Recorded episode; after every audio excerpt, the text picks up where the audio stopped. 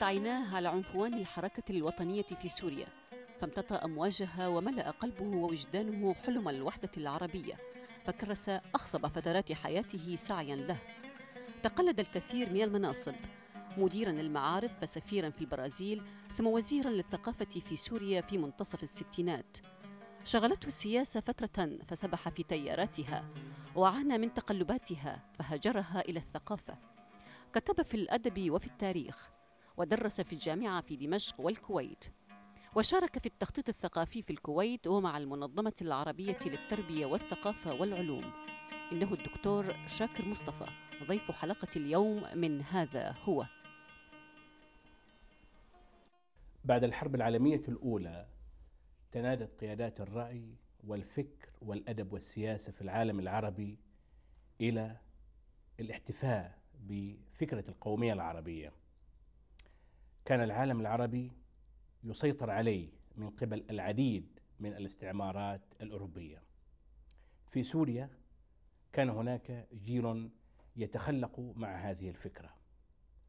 بعد الحرب العالمية الأولى جاء إلى سوريا فيصل الأول ولكن الفرنسيين قد صمموا على طرده. بعد ذلك بعام ولد ضيفنا أستاذنا الدكتور شاكر مصطفى.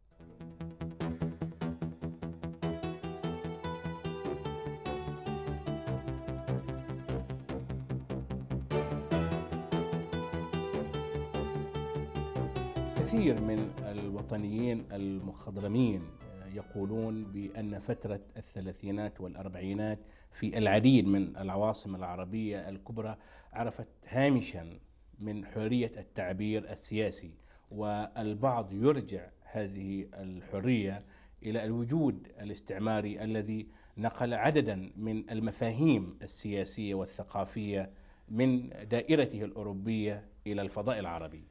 الواقع الفكرة الثانية اللي تفضلت فيها ما هي صحيحة. لأنه نحن قاسينا من الاستعمار من الاحتلال الفرنسي مثل ما قاسوا الفلسطينيين مثل ما قاسوا المصريين من الاحتلال الإنجليزي. والهامش اللي كان يعطى من قبل الإنجليز في فلسطين وفي مصر كان ربما أوسع من الهامش الذي يعطيه الفرنسيون. نحن ما كسبنا من الفرنسيين إلا أمرين اثنين. هي بنقول كسبناهم نعترف فيها. كسبنا تسجيل دقيق للنفوس في سوريا. وهذا هام جدا. وكسبنا آه، تخطيط لجميع آه، شو نقول أبنية وقطع أرض البلاد السورية كلها صوروها من الجو وحددوها يعني ما يسمى بال cadastre و. هالعمليتين هدول هن لمصلحة الفرنسيين كانت لأنه بدهم يعرفوا أين الثوار بيتحركوا مين هن مين فلان ابن فلان مين فلان قريب فلان. هاي هاي عمليتين لعبوا فيهم دور لكن من الناحية الأخرى حريات ما كان في ولكن ماذا عن التكوينات السياسية التي كانت جارية في الثلاثينات والأربعينات؟ لحلك. بالنسبة للتكوينات السياسية كان في هامش صغير محدود كانوا مضطرين الفرنسيين إنه يتعاملوا فيه مع الشعب. فكانوا أحيانا يفتحوا الباب واحيانا يغلقوه إغلاق كامل. يعني مثلا من الإغلاق الكامل إنه جابوا آه، شيخ تاج الدين الحسني أكثر من مرة مرة سلموه رأس وزارة مرة سلموه رأس جمهورية. آه، حق العظم جابوه. لما لقوا ما في خواص والجماعه الوطنية هي الغالبة. سلموا الوطنيين بحجة إنه بده يعطوهم معاهدة سنة 36 إيه تموا ثلاث سنين يماطلوا فيهم ما بدهم يعطوا معاهدة. ولما إجت أبواب الحرب العالمية الثانية رأسا ازاحوهم وجابوا آه، حكم مباشر اسمه حكم المديرين. حكم مباشر تماما. طبعا آه، بدي أقول الهامش الحرية كان محدود في الواقع. محدود بأي معنى؟ إنه مثلا الشيوعي ممنوع عمليات التحرر الفكري ممنوعة أو شيء. لكن أكثر من هيك كتب بالجرايد مثل ما بدك أحيانا يكتبوا ما كثير يهتموا لأنه مين اللي بده يقرأ؟ بده يقرأ بالعربي يقرأ يصطف غير أن الملاحظ بأن هذه الأحزاب السياسية قد تشكلت في تلك الفترة. قد؟ قد تشكلت في تلك الفترة أي ما قبل إيه قيام الانقلابات العسكريه هذا في الواقع. لكن حريتها في العمل محدودة كانت. حريتها في العمل كانت محدودة. ومثل ما قلنا إنه عبارة عن جماعة بنقدر نسميهم إذا شئت بالطبقة برجوازية. يعني نصف آه، ليست غنية لهالدرجة المصوره إحنا لا. لكن طبقة برجوازية وتريد أن تعيش. هذه الطبقة في الواقع هي اللي قادت الحركة الوطنية ما بين سنة ال 28 آه، أيام فوزي الغزي يعني إلى فترة آه، ما بعد الحرب العالمية الثانية. دكتور شاكر بماذا تفسر وقوف العسكريين وراء عملية التغيير السياسي في العديد من العالم العربي؟ هناك سببان حقيقة. سبب نقدر نسميه تاريخي. عمليا العسكريون منذ الحروب الصليبية وما قبل ذلك كانوا هن المسيطرين على المنطقة بأشكال مختلفة. يعني جاء السلاجقة وكانوا عسكريين. جاء من بعدهم الأيوبيون وكانوا عسكريين. ثم جاء المماليك وكانوا عسكريين. ثم جاء العثمانيون وكانوا عسكريين. يعني حكام هالمنطقة خلال التاريخ من 900 سنة وأكثر كانوا عسكريين. يعني حتى كلمة بوشناقي أو بوسنا نعم. آه ثلاث أرباع بشوات اللي إجوا لسوريا وحكموا بمناطق مختلفة كانوا من بوشناق. باشا الجزار وغيره بوشناق. بس آه هذا سبب من الأسباب ربما تراثي. لكن ما أظن أنه لهذه الدرجة أثر اللي أثر أكثر؟ أنه ليس هناك قوة أخرى. ليس هناك قوة أخرى. يعني الأحزاب اللي تفضلت عنها وحكينا عنها مثلا حزب الكتلة الوطنية أو حزب البعث أو غيرهم ما عندهم كان قوة شعبية. يعني ما عندهم هالمد القوي المرتكز على أسس قوية في الأرض. فبدهم قوة. هذه القوة ما كان في غير الجيش. فلذلك طغى الجيش. وبقول طغى بمعنى أنه صار هو المستلم القيادة أكثر من السياسيين. مع فشل الوحدة بين مصر وسوريا كأن الحلم بتكوين دولة عربية أو وحدة عربية قد انهار أو بدأ ينهار آه، هل سبب هذا الانهيار لأن المؤسستين العسكريتين في كلا البلدين آه، كانتا على رأس الحكم في مصر وسوريا؟ هذا السبب من الأسباب في الواقع هذا سبب من الأسباب لكن السبب الآخر والأهم أو الهام هو أن هذه الوحدة وحدة عمليا ما استطاع الشعب المصري أو الأحرى المؤسسة الدول المؤسسة المصرية الحاكمة ما استطاعت أن تفهمها على أساس أنها دمج دولتين مستقلتين. آه، أذكر كنت أنا في السودان وكان المرحوم عبد الله خليل رئيس وزراء لما صارت الوحدة ويقول رئيس وزراء السودان بالسودان نعم, نعم. فأول ما صارت وحدة استدعاني شو قلت له هيك صار وأنا بأي صفة استدعاك؟ نعم بأي بأي صفة استدعاك؟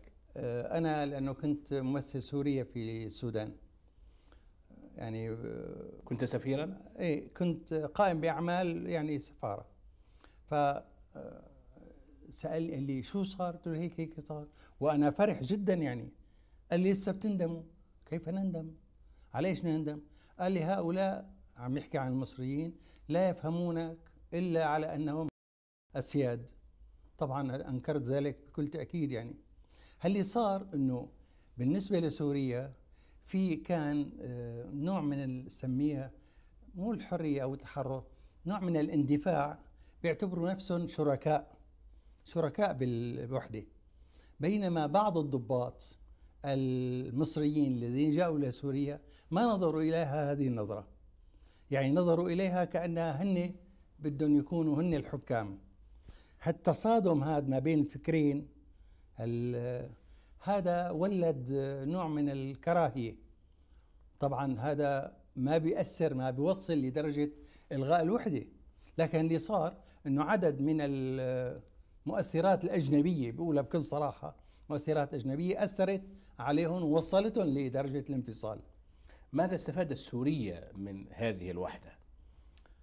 مع الأسف ما استفادت بالعكس آه، يعني دخلت عليها اضطرابات سياسية واقتصادية أيضا آه، خطيرة كثير عانينا منها عدة سنوات مو عدة سنوات 10 12 سنة آسيات جدا عانت منها سوريا. ألا ترى بأن وجود هذه الأنظمة العسكرية في بعض الدول العربية آه، قد أعاقت نمو المجتمع المدني وتطور هذه المجتمعات التي كانت تحكم من قبل هذه المؤسسات العسكرية؟ هذا صحيح. هذا صحيح.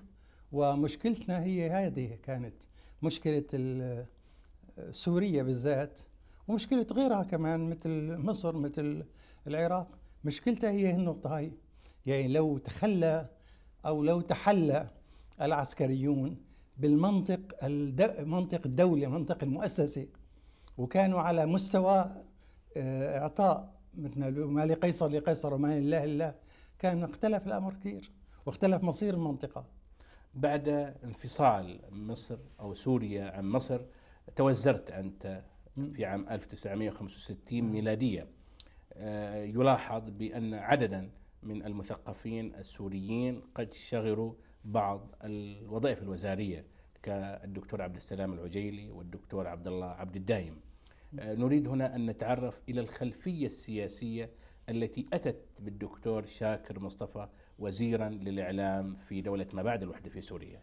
والله في الواقع كانوا عم يفتشوا هن عن أشخاص ما ماضي سياسي سيء من جهة ويتقبلهم العسكريون من جهة أخرى الواقع كان في صدام قاسي جدا ما بين العسكريين وما بين القطاع المدني من الأحزاب ف يعني اعتبر هؤلاء هذه الأسماء اللي تفضلت فيها كنوع من حل الوسط ما بين الفكر السياسي العسكري ما بين الفكر السياسي المدني ولكن ما هي خلفيتك السياسية أنت الحزبية؟ آه، كنت تمثل أي حزب؟ البعثي العربي؟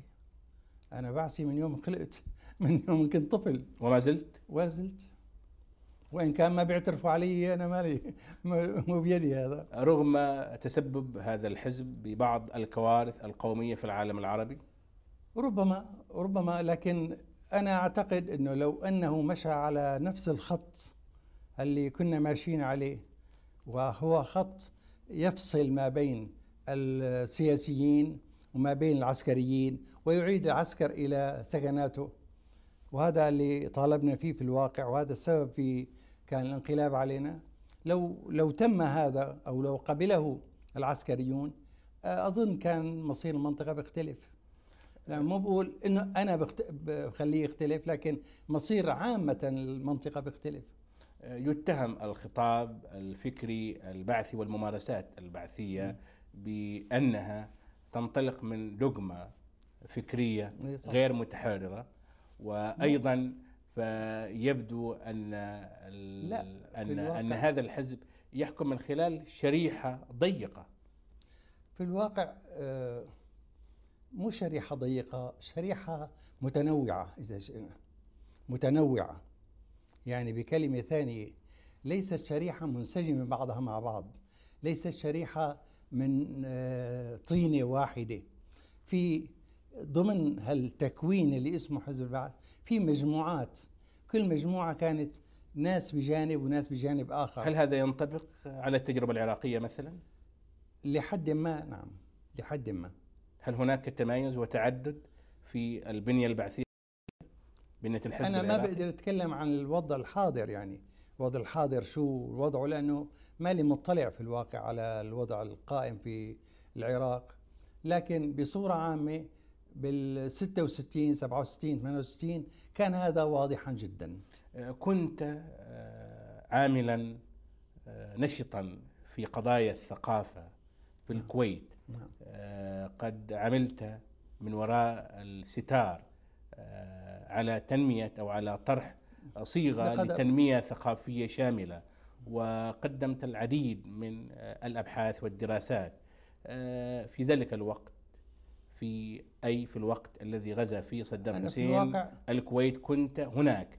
آه، بماذا أوحى لك هذا الغزو الصدامي لدولة عربية كانت وما زالت ترعى قضايا الثقافة وترعى الهموم العربية؟ مع الأسف الشديد بقدر أقول أنه القيادة العراقية ما قدرت الموقف إطلاقا التقدير الصحيح يعني بكلمة ثانية لا أقول تعجلت أو تأخرت لا لكن ما قدرت موقف لو أنها فكرت أكثر خطوة أخرى إلى الأمام كيف؟ لكان نعم كيف؟ يعني لو حسبت حسابات ال- الغزو لتوقفت يعني أول كل شيء في عنا قضية النفط. لا يمكن أن يسلم الإنجليز والأمريكان مثلا بأنه يكون كتلة النفط الهامة والأساسية موجودة في منطقة تحت يد دولة عراقية واحدة. بدهم يقسموه لأنه لهم شرائحها. فمثلا هي واحدة. واحدة تانية ما قدر أنه في ضرورة أنه يتفق مع عدد من ال من ال- الدول على خط معين وغرر به الأمريكيون غرر به الأمريكيون بكل تأكيد وكانت مؤامرة قلنا ألف مرة هذه مؤامرة يا جماعة ما من ما- الذي قام بها؟ نعم من الذي نفذ هذه المؤامرة؟ مؤامرة عمليا أجنبية في الواقع أجنبية كاملة ومن الذي نفذها؟ نفذها العرب من. العرب؟ يعني هو نفذها أول من هو؟ نفذ من صدام حسين؟ طبعا. طبعا هو نفذها وإلا ما كان لو إنه تريس لو إنه فكر أكثر لو إنه القيادة العراقية حسبت حساباتها مضبوط ما كان هذا صار ابدا. ما هو لكن خسرنا خسرنا كثيرا فيها ما هو شعورك النفسي وكنت تعمل في الكويت كنت عاملا نشطا في العديد من المجالات الثقافية.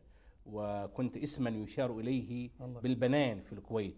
آه، شعورك النفسي وأنت ترى جحافل الغزو العراقي لهذا البلد الهادئ في والمسالم الواقع حين سمعت بالخبر بكيت بكيت لأنه هذا مو مو خط صحيح لكن ماذا تفعل؟ يعني أنا رجل عادي من هالناس لكن هذا كان لا يجوز أن يكون هل أدنت لو كان الغزو؟ بيدي لو كان بيدي لا اوقفته بس وين؟ هل أدنت الغزو؟ أنا لهس لك هال- هالموضوع هذا اللي تفضلت فيه فوجئت فيه أكثر من مرة أنا بعد الغزو بحوالي أسبوعين أصبت بظهري بتخلخل بالعمود الفقري يعني نقص تكلس وبقيت متسطح حوالي سنة لا أستطيع أن أتحرك من جهة لجهه يعني كنت في منتهى الألم وفي منتهى الضعف ويعني اللي بيعودوني مفتكرين إنه شاكر انتهى. الحمد لله يعني خلاص بس كان في هذا جاءني بعد آه، احتشاء قلبي مرتين. فكنت آه، شبه يائس يعني من الحياة. فما فاضي الواحد يفكر حتى بأنه شو بده يكتب أو يدين. لما انتهى وارتحت كان الأمر كله انتهى يعني أنه بعد سنة كان ما مسألة انتهت فصار ال- الضرب بالميت حرام. كم مكثت في الكويت؟ آه، عمليا للتدريس 25 سنة. 25 سنة. نعم. من أي عام؟ من سنة 66 أول 66 يعني عند إنشاء جامعة الكويت. يوم إنشاء جامعة الكويت كنت أنا موجود واستمريت فيها إلى سنة التسعين. وتركت الكويت سنة التسعين على أساس بدي أرجع على مسار الغزو ما رجعت. لماذا؟ الحكم ما, ما والأمور مضطربة شو بده يرجعني يعني؟ وحتى الموجودين هناك هربوا فبعدت فقط جبت آه، مكتبتي من هناك مكتبة ضخمة يعني جبتها قلت له ابني جيبها وبس. قلت له شو بتلاقي؟ ورقة على الأرض جيبها منه وما بدي شيء من البيت. سرق البيت مرتين ليكن. بس آه، أنقذت آه، مكتبتي أو بالأحرى آه، تراثنا الخاص. يتعامل العديد من المثقفين العرب اليوم عن مأساة الشعب العراقي. الشعب العراقي اليوم يمر بمحنة فادحة جراء هذا الحكم التسلطي. لماذا قامت المظاهرات أيام الغزو العراقي لدولة الكويت وتهديد الدول الخليجية الأخرى بينما يصمت هؤلاء المثقفون عن إدانة هذه التصرفات الجائرة التصرفات العراقية الجائرة بالشعب العراقي المسكين. أعداد من المثقفين سواء في سوريا أو في مصر كتبوا في هذا الموضوع. ما تأخر أحد. وكتبوا جيدا يعني. لكن مدينين آه، هذا الوضع السياسي مدينين الجائر؟ نعم مدينين الوضع السياسي طبعا. أدانوه لكن ربما آه، نطاق نشر محدود. يعني الجرائد مثلا في سوريا لا تقرأ إلا في سوريا عمليا. يعني نادر تلاقيها برا. جرائد مصرية كانت تكتب وتكتب جيدا. وأكثر من مرة يعني تمثلت بعدد من المقالات اللي كانت تنشر في آه، سواء في الأهرام أو في الجرائد الأخرى موجودة. يعني ما تأخروا. لكن الصوت شيء والعمل شيء آخر صاير. أنا أحترم الشخص الذي كان له مثلا رأي ضد الحرب. أنا شخصيا أيضا مريت في مراحل. كل العراقيين كانوا متمزقين وكل العرب كانوا متمزقين حول هذه القضية. النقطة هي ليست فقط موقف سياسي. ما هو موقفك من فلان ومن فلتان إلى آخره؟ أعمق من هذه. النقطة ما هو المهم كطرحك كمثقف؟ ولكن الأسماء الأخرى التي ذكرتها آه رغم عن أنه هذه أصوات كان لها الخيار في أن تختار موقف مختلف خاصة مثلا شخص مثل أدوار سعيد اختارت أن آآ آآ تضع في الأولوية محاربة الغرب ومحاربة وقضية إسرائيل في ظروف من هذه النوع ولم تحس في أزمة العراقي. أو أزمة الضحية. لا, لا, لا ما كان موقفها السياسي يعكس الواقع العراقي على الساحة العراقي أو الواقع الكويتي. لو نأخذ الكثير من اللغة اللي استعملت ضد الكويتيين وهم وهم وقد وقد وبلدهم قد يعني آه، قضي عليه. وفي في في نوع من الاحتلال كان أيضا آه، قاسي إلى آه، إلى مستويات يعني عجيبة. في الثمانية الميلادية تبنت الكويت مشروعا كانت الجامعة العربية قد طرحته وهذا المشروع يتعلق بالتنمية الثقافية الشاملة في العالم العربي. آه، كان وراء هذا المشروع شخصية كويتية بارزة وهو الأستاذ عبد العزيز حسين. الدكتور شاكر مصطفى كأنه قاد هذه الخطة من وراء الستار عكف على تحريرها. عكف على تحريرها وكان يتنقل بالفريق فريق من الباحثين والأكاديميين في العديد من العالم العربي. ماذا خرجتم بعد آه، الآن العمل؟ الآن نقدر نقول أنك أدخلتني في جوي الحقيقي اللي هو الجو الثقافي.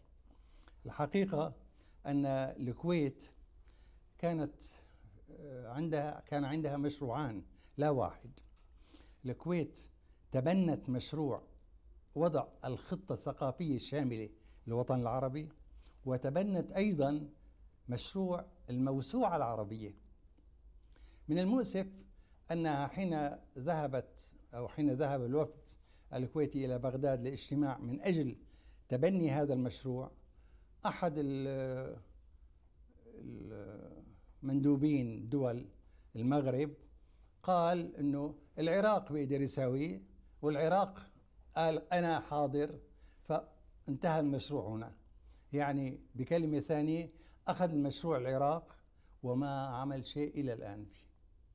ربما له أسبابه على حال انتهى مشروع الموسوعة العربية. علما بأن وضعت لهم يعني تقرير فيه 95 صفحة. في دقائق كيفية نشر الموسوعة حتى بتكاليفها حتى بالصور اللي فيها. وضعتها وقبلوا المشروع وأقر على هذا الأساس لكن التنفيذ انتهى ما عاد نفذوه. يعني وقف المشروع. المشروع الثاني اقترحته المنظمة العربية في الواقع من نتيجة التابع للجامعة العربية. تابعة للجامعة العربية اللي بسموها أليكسو يعني. نعم. وبنتيجة اجتماعات وزراء وزراء الثقافة في البلاد العربية أو المكلفون بالثقافة في البلاد العربية.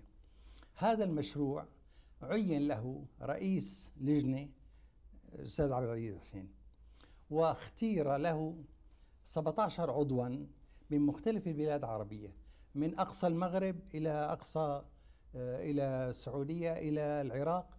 اختير له إلى اليمن. اي نعم. وهذا المشروع اشتغلنا فيه خمس سنوات كاملة. وأعانتنا الكويت بكل تأكيد إعانة هائلة يعني سواء ماديا أو واقعا بال بالمكاتب بالشيء اللي محتاجه يعني. وانتهينا بأنه طبعنا هذه الاستراتيجية أو هذه الخطة الثقافية في ست مجلدات. كأن انشغالك بالمنتديات والعمل فيما يتعلق بالتنمية الثقافية لم يله الدكتور شاكر مصطفى عن تنمية اهتماماته المتراوحة بين الأدب والتاريخ. أنت من أوائل الذين أرخوا لولادة العمل القصصي في سوريا. كتبت كتابا شهيرا حول تطور القصة نعم. في سوريا. وأيضا لك آه، مؤلفات بل أحيانا مجلدات حول التاريخ آه، كتبت كتابا عن بني العباس مثلا وكتبا أخرى. آه، إلى أي المجالين يجد الدكتور شاكر مصطفى نفسه؟ أنا في الواقع في الدرجة الأولى محب للأدب محب للأدب محب للشعر محب للحرف الجميل وهذه هي حياتي. أما التاريخ فهو لأكل العيش مثل ما بيقولوا. فمشان يعيش الواحد عم يشتغل بالتاريخ وعم يكتب وعم ينتج. لكن لكي أشعر بأني موجود لكي أشعر ب- بقيمة الإنسانية أنا بشتغل بالأدب في الواقع. وهذا هو السبب أنه في عندي كتب أدبية وعندي كتب آه، تاريخية. كتب تاريخية كثيرة كثيرة جدا. عندي كتاب عن التاريخ والمؤرخون العرب. نعم. آه، ست مجلدات الآن. عندي كتاب عن دول العالم الإسلامي ورجال العالم الإسلامي يعني من الناحية الحضارية بالذات منذ آه، عهد الرسالة إلى اليوم إلى اليوم بأربع مجلدات موجود ومطبوع. في عندي دولة بني العباس في عندي هذه كلياتها لأكل عيش. أما عندي مثلا في ركاب الشيطان عندي بيني وبينك عندي حضارة الطين عندي حديث سندباد عندي هي أشياء أدبية والآن الآن عم بطبعها كلها. الآن آه، سلمت آه، آه، مؤسسة طلاس للطباعة في الشام 18 كتاب من هذا الشكل للطبع للنشر حتى أخلص منهم لأنه طول ما هن قدامي بتعبوني. آه، ماذا عن بوادر العمل الإبداعي والقصصي في سوريا؟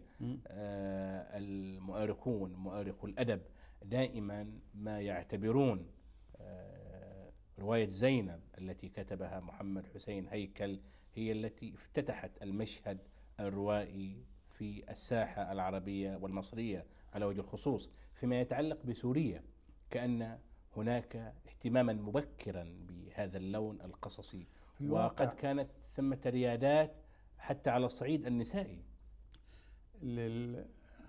للحق نقول أن بلاد منطقة الشام يعني عامة كانت منكورة أو آه، غير آه، غير مخدومة من الناحية الثقافية. عمليا أنا في كتاب القصة في سوريا أصلت القصة وأعدت التكوينات الأولى لظهور القصة في سوريا إلى سنة 1860 يعني من سنة 1860 كان في عنا ناس عم يألفوا قصص.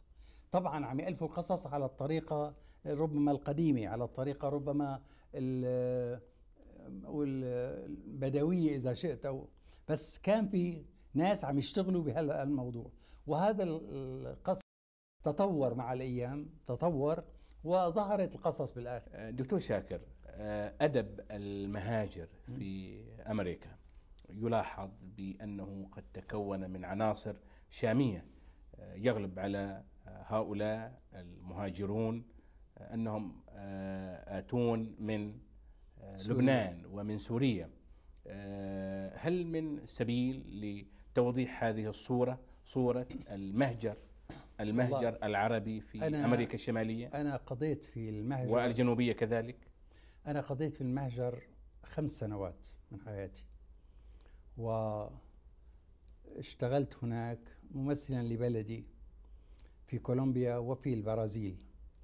الحقيقة أن هؤلاء المهاجرين بكتلتهم الكبرى والكتلتهم الكبرى يعني أكثر من 95% منهم كلهم آتين من منطقة المناطق الجبلية بلبنان وسوريا وفلسطين.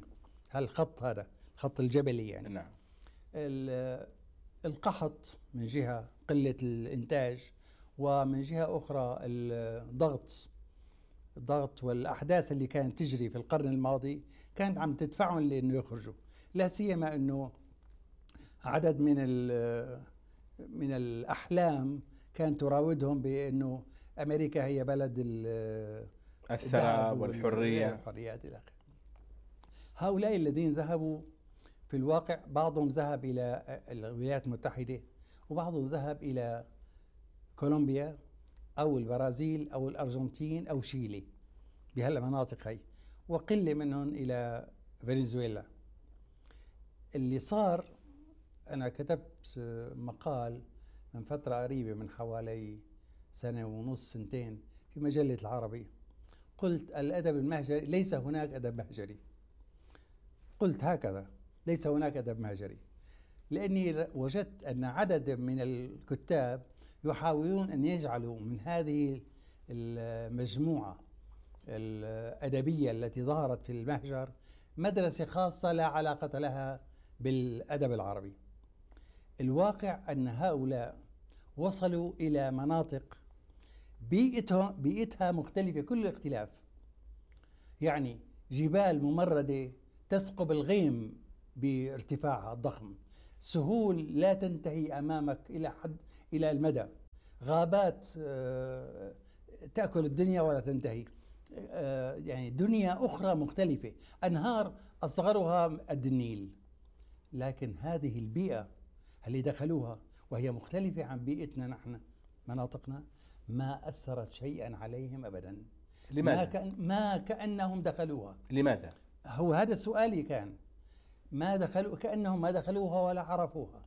ظلوا يكتبون وينظمون الشعر تماما كما ينظمونه في قراهم أو في بيروت أو في دمشق أو في الجبل دوما نفس الشيء. يعني لما بيقول الشاعر القروي ومثلا عن المولد النبوي أكرم هذا العيد تكريم شاعر يهيم بآيات النبي المعظم. وهو المسيحي يقول هذا؟ مسيحي نعم مسيحي. يقولها عم يقول نفس القول اللي لو إنه قال هالقول بالبربارة بلده أو قاله هناك شو الفرق؟ فهذه نقطة أولى. النقطة الثانية دخل هؤلاء المهاجرون إلى مناطق فيها الأدب البرتغالي له 500 سنة الأدب الإسباني له 500 سنة الأدب الفرنسي له 500 سنة الأدب الإنجليزي له 500 سنة من التراث. ما واحد منهم لامس هذه الآداب أو تأثر بها أو أثر فيها. فهذه نقيصة. هي نقطة أخرى. طيب شيء آخر أو شيء ثالث نقدر نضيفه أنه هؤلاء اللي ما تأثروا ولا أثروا طيب تركوا تراث هناك؟ لا. تراثهم انتهى بوجودهم. لما ينتهي وجود واحد منهم كان يموت. يعني ينتهي. ذات مرة جاءني الشاعر المشهور إلياس فرحات يبكي. ما لك يا إلياس. قال تصور أن ابني لا يعرف أني شاعر. ابنه. ابنه لا يعرف أنه شاعر لأنه في انقطاع كان. ما عم يتصلوا بالحضارات الأخرى ما عم يتصلوا بالثقافة الأخرى. قاطعين هن قاطعين الدرب. فواحد منهم ما كان يتعلم اللغة. بيتعلم اللغة الدارجة تبع الناس بالعادة. شلون تاكل وشلون تشرب أما لغة أدبية لا. ما عملوا آه، مزيج هالتجربة هي التجربة الخطيرة اللي كنا بنتمنى إنه تصير ما بين ثلاث أربع آداب سوا. والأدب العربي ما عملوها ولا ردوا لنا شيء. فبضاعتنا ردت إلينا. ولهذا السبب إنه ال- ال- المغتربين لما قروا المقال استاءوا فكروني إني عم بشتغل أو عم بكتب ضد الأدب المهجري. أنا ابدا أنا عم بكتب مع الأدب المهجري عم بقول إنه تجاربهم ما ردت إلنا. رجع آه، يعني أدبنا إلنا.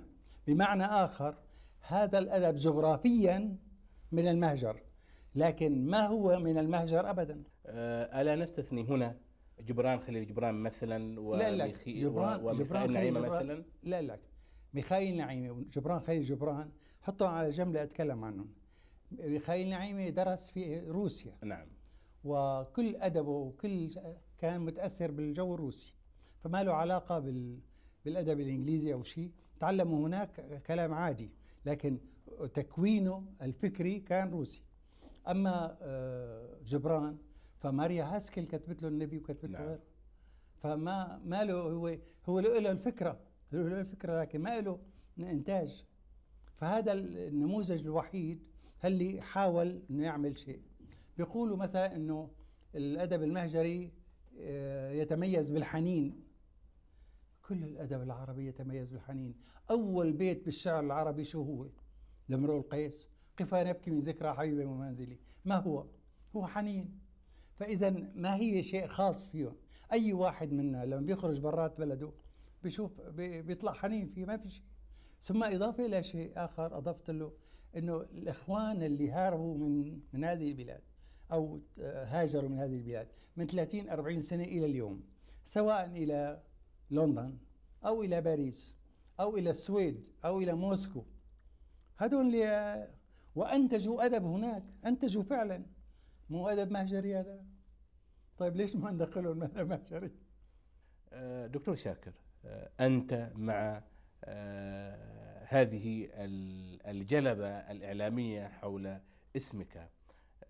أنت اسم بارز علم معروف ولكن يلاحظ بأنك مثلا لم تنل شهادة الدكتوراه إلا في وقت متأخر. فقد حزت عليها فيما يبدو لي في عام 1970 ميلادية. لماذا هذا التأخر؟ والله أنا رحت بنفسي إلى باريس سنة الخمسين لكمل. استدعيت من هناك لكون لحتى أكون مدير معارف. اضطريت أرجع. رجعت سنة 55 بدي أسافر عينوني بوزارة الخارجية. رحت على السودان عوض ما أروح على باريس. فكانت عم تجرني الأحداث أكثر ما عم تجرني والسبب الهوى السياسي اللي كان طابع جيلنا بهذاك الوقت إنه لازم خدمة سياسية. يعني أنا كنت في البرازيل مثلا علمت بأنه حزب البعث آه، سلم الحكم في سوريا أرسلت برقية نقلي أنا نقلي أنا لهناك للبرازيل وجيت على الشام مشان حتى بتصوري نخدم ونشتغل. ورفضت إني أسافر على الأمم المتحدة رفضت قلت له أنا قاعد هنا. فما كان في الواقع في بالنا أكثر من القضية السياسيه لما الله آه، رضي علينا يعني. وأزحنا الناحية السياسية صفي العلم أمامي. وعن ذلك كملت. عن ذلك كملت. لأنه الأشخاص اللي كنت بدي أو في بالي إني أتعامل معهم من أجل رسالة دكتوراه كان المختص الوحيد والكبير فيهم وهو أستاذ كبير جدا ومعروف كان صهيوني لدرجة كبيرة. ف من هو؟ اسمه كلود كاهن نعم. آه، مع الأسف آه، رفضت. باحث تاريخي بارز ومهم. لأنه أنا كنت مفكر أني أعمل دراسة عن الحروب الصليبية. وهو كتب عن تاريخ الشعوب الإسلامية. إيه لا الكتاب الأساسي وكتاب الدكتوراه تبعه اللي كتاب هام جدا وبالفعل كتاب مخدوم جدا هو إمارة أنطاكيا في الحروب الصليبية. وكتاب جيد جدا حقيقة. وكان من أصلا من المختصين القلائل جدا بهالموضوع فكنت رايد أنه يعني لعله بشكل أو بآخر يتغير أقدر أعمل دراسة. لما شفت أنه ما في أمل حولت إلى جنيف. كيف ينظر المفكر الذي كان قوميا ومتحمسا للقومية العربية ومطارده إسرائيل وآثارها إلى ما يحدث اليوم على الساحة العربية. عدت به إلى السياسة لا بأس. الواقع أن السلام يفاجئنا مفاجأة. نحن بصورة عامة في البلاد العربية عم بتكلم مش بس بسوريا لسنا مستعدين أبدا لتقبل السلام الذي يفرض الآن. بقول بقصد هذا أن أقول أنه التهيئات الأساسية للسلام كان الإسرائيليون منذ عشرين سنة يخططون لها ويمهدون ويشتغلون. بالنسبة لنا كنا في الطرف الآخر تماما مختلفين كل الاختلاف في خطنا الفكري. ففوجئنا الآن بأنه بدك تعمل 180 درجة بالرجوع. عمليا السلام ما بيكون إلا مع الشعوب. سواء قبلنا أو رفضنا السلام بيبدأ من الشعوب نفسها. وإذا كان ما مقتنع الشعوب مو ممكن يصير سلام. فهذا اعتقادي الشخصي. ولذلك أقول ب- لحد كبير أنه ما يسمى بالسلام هو سلام الآن صنعي. ومهما وضعوا له من قيود مهما وضعوا له من شروط بيكون سلام صنعي إذا ما كان مستند إلى أساس شعبي عميق ونقول مخلص. ماذا سيكون شعورك وأنت ترى الإسرائيليين في شوارع دمشق مثلا؟ أحد آه، شعراء لبنان انتحر لما شاف ال ال الإسرائيليين في بيروت. وهو خليل حاول محتوى. إيه يعني؟ وأنت ماذا آه، ستفعل؟ ما بعرف شو بيكون موقفي. آه، ما بقدر أقول لك شو بده يكون انطباعي لكن بكل تأكيد آه، بيكون آه، مأساة بالنسبة لي. دكتور مأساة. شاكر شكرا لك. شكرا لك.